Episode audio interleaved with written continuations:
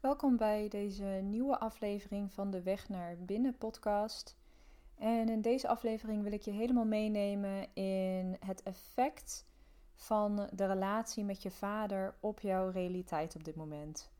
En voor degenen die voor het eerst luisteren en mij nog niet kennen, mijn naam is Madelon en ik ben expert in familieopstellingen, familiesystemen.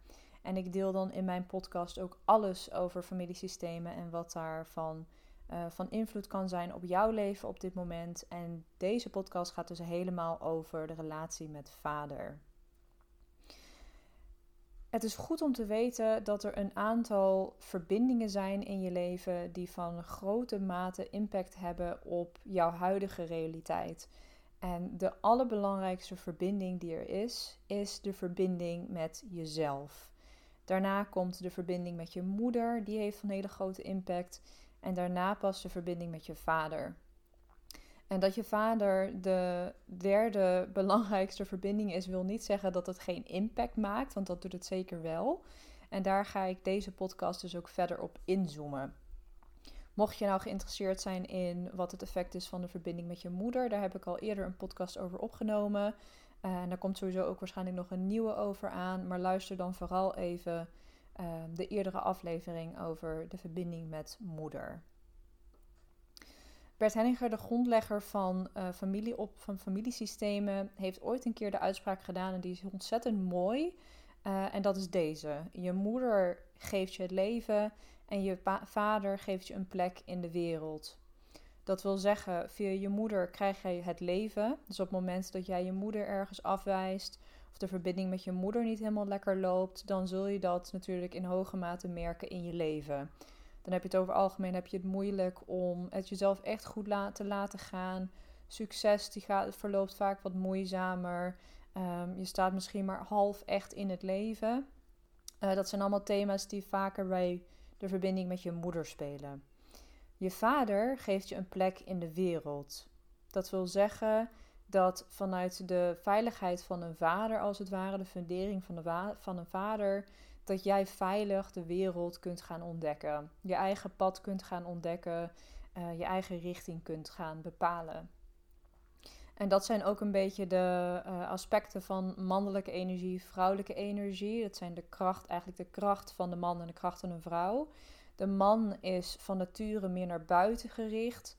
En de vrouw is van nature meer naar binnen gericht. Dus thema's als richting, focus, ambities, daadkracht.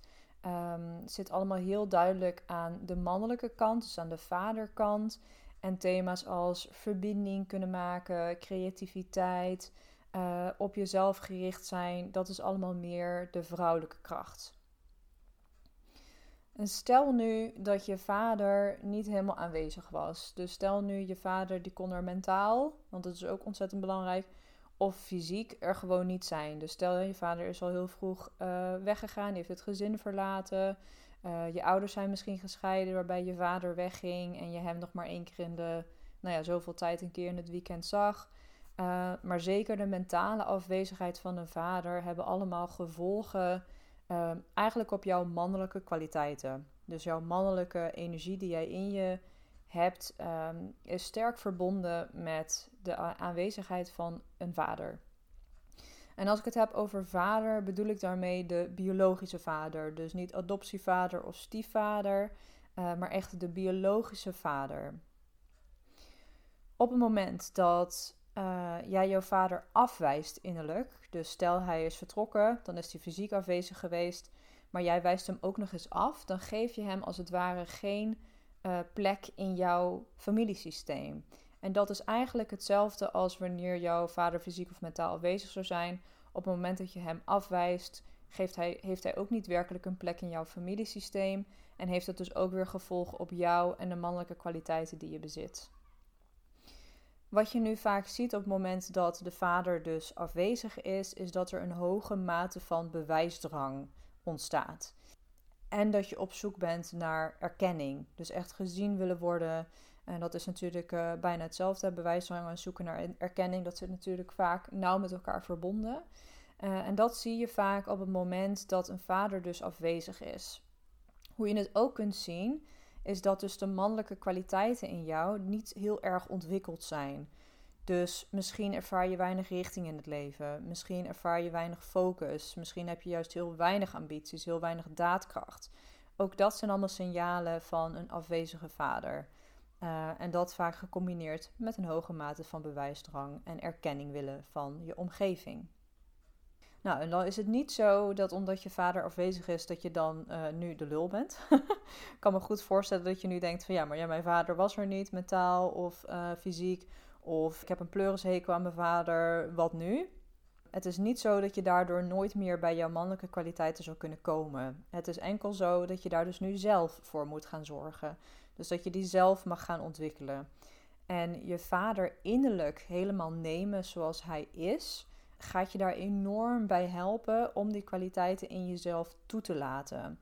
Dus dat wil niet zeggen dat jij in de realiteit in één keer weer uh, contact met hem hebt of een hele goede relatie met hem krijgt. Soms is dat simpelweg niet mogelijk. Stel dat hij uit je leven is verdwenen of misschien is hij overleden, dan kan dat natuurlijk simpelweg gewoon niet.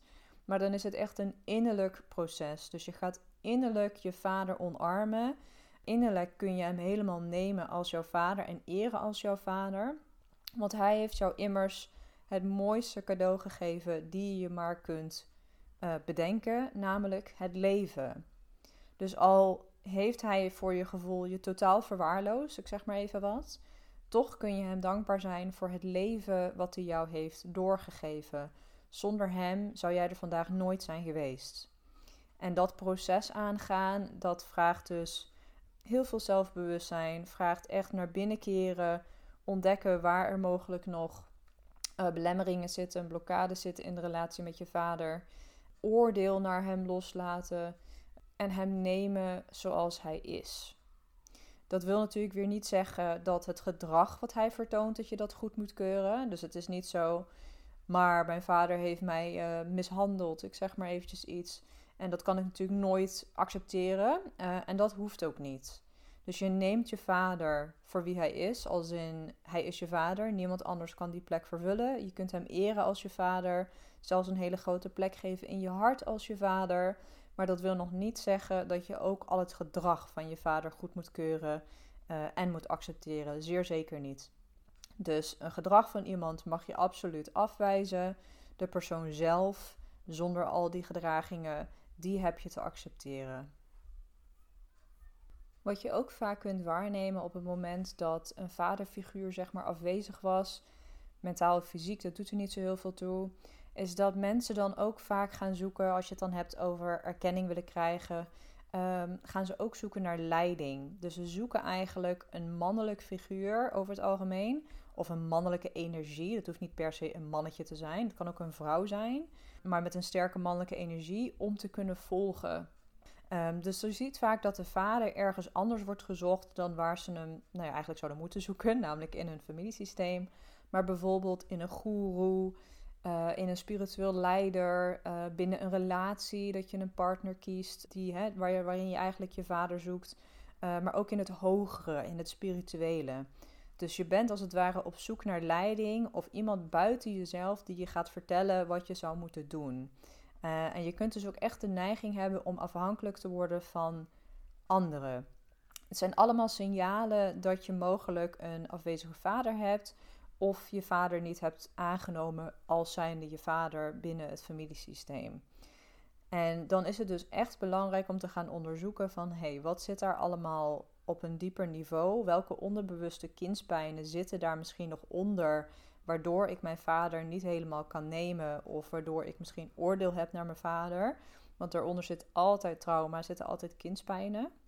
En op het moment dat je die volledig toe kunt laten en dus de primaire emoties die daarbij komen kijken helemaal de ruimte kunt geven en vanuit daar je vader een plek kunt geven in je hart, zul je dus merken dat je veel meer en makkelijker in je mannelijke energie kunt stappen. Op de momenten dat het gepast is natuurlijk, zeker als vrouw zijnde dat je meer daadkracht zult ervaren, dat je een eigen ambitieniveau krijgt, uh, dat je minder afhankelijk wordt van andere mensen, dat je minder de leiding gaat zoeken buiten jezelf, uh, maar jezelf gaat zien als autoriteit.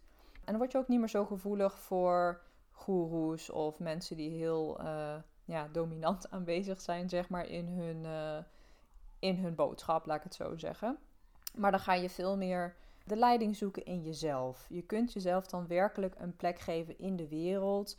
En je gaat bewegen in de wereld, helemaal op jouw manier. En hoe je dit nou eigenlijk doet, en ik snap dat dat misschien weer een beetje hè, van oké, dat is een leuk verhaal, maar hoe doe je dit nou eigenlijk? Ik heb zelf ervaren dat familieopstellingen hier heel erg helpend in kunnen zijn. Omdat je dan simpelweg kunt onderzoeken wat zit er nou in die onderstroom mogelijk nog in de vaderlijn.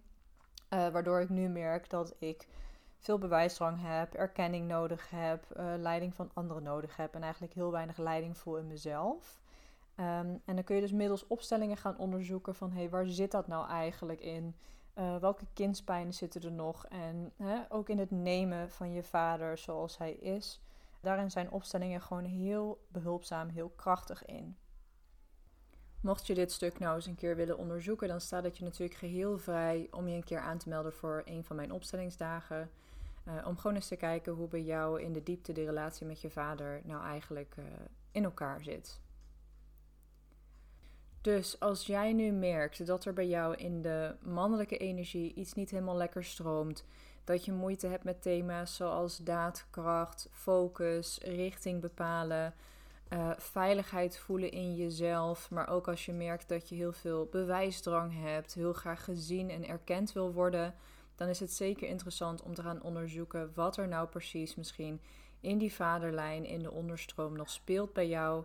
Um, zodat je daar misschien zelf stukken in kunt gaan helen en los kunt laten. Zodat je echt naar een eigen ambitieniveau kunt groeien. Ambities die bij jou passen. Dat je daadkracht kunt ontwikkelen in jezelf. Dat je focus kunt ontwikkelen. En dat je eigenlijk gaat van binnenuit gaat leren wanneer je jouw mannelijke energie in kunt zetten om hele, uh, hele mooie acties in te zetten wanneer dat nodig is. Want het mooie is op het moment dat jij die uh, bewijsdrang en dat harde werken eigenlijk, want dat hoort er ook vaak bij, als je dat echt los kunt laten, dan ga je vaak veel minder acties ondernemen. Maar de acties die je neemt, hebben veel meer impact. Omdat ze echt van binnenuit komen en op precies het juiste moment. Dus het is ontzettend waardevol om dat te onderzoeken voor jezelf. En eventueel ook te zorgen dat je jouw vader echt een plek kunt geven in je hart. Want het maakt het leven gewoon een stuk minder moeizaam. En daarmee zijn we ook uh, op het einde gekomen van deze podcast. Ik hoop dat je in ieder geval iets hebt opgestoken van deze podcast. Dat je iets nieuws hebt geleerd, misschien een inzicht hebt opgedaan. Uh, mocht je nou meer weten over familiesystemen, uh, familieopstellingen, volg me dan vooral op Instagram. Mijn uh, naam op Instagram is Madelon Alissa en ik deel regelmatig mijn inzichten en kennis over familiesystemen, familieopstellingen. Dus volg me vooral daar. En mocht je nou meer willen weten, mag je me altijd een mailtje sturen. Vind ik alleen maar leuk. Ga vooral even naar mijn website. Ook mijn website is madelonalissa.nl. Uh, en stel gewoon even je vraag via het, uh, via het contactformulier. En dan wens ik je voor nu een hele fijne dag verder of avond, wanneer je deze podcast dan ook luistert. En heel graag weer tot de volgende keer. Doei doei!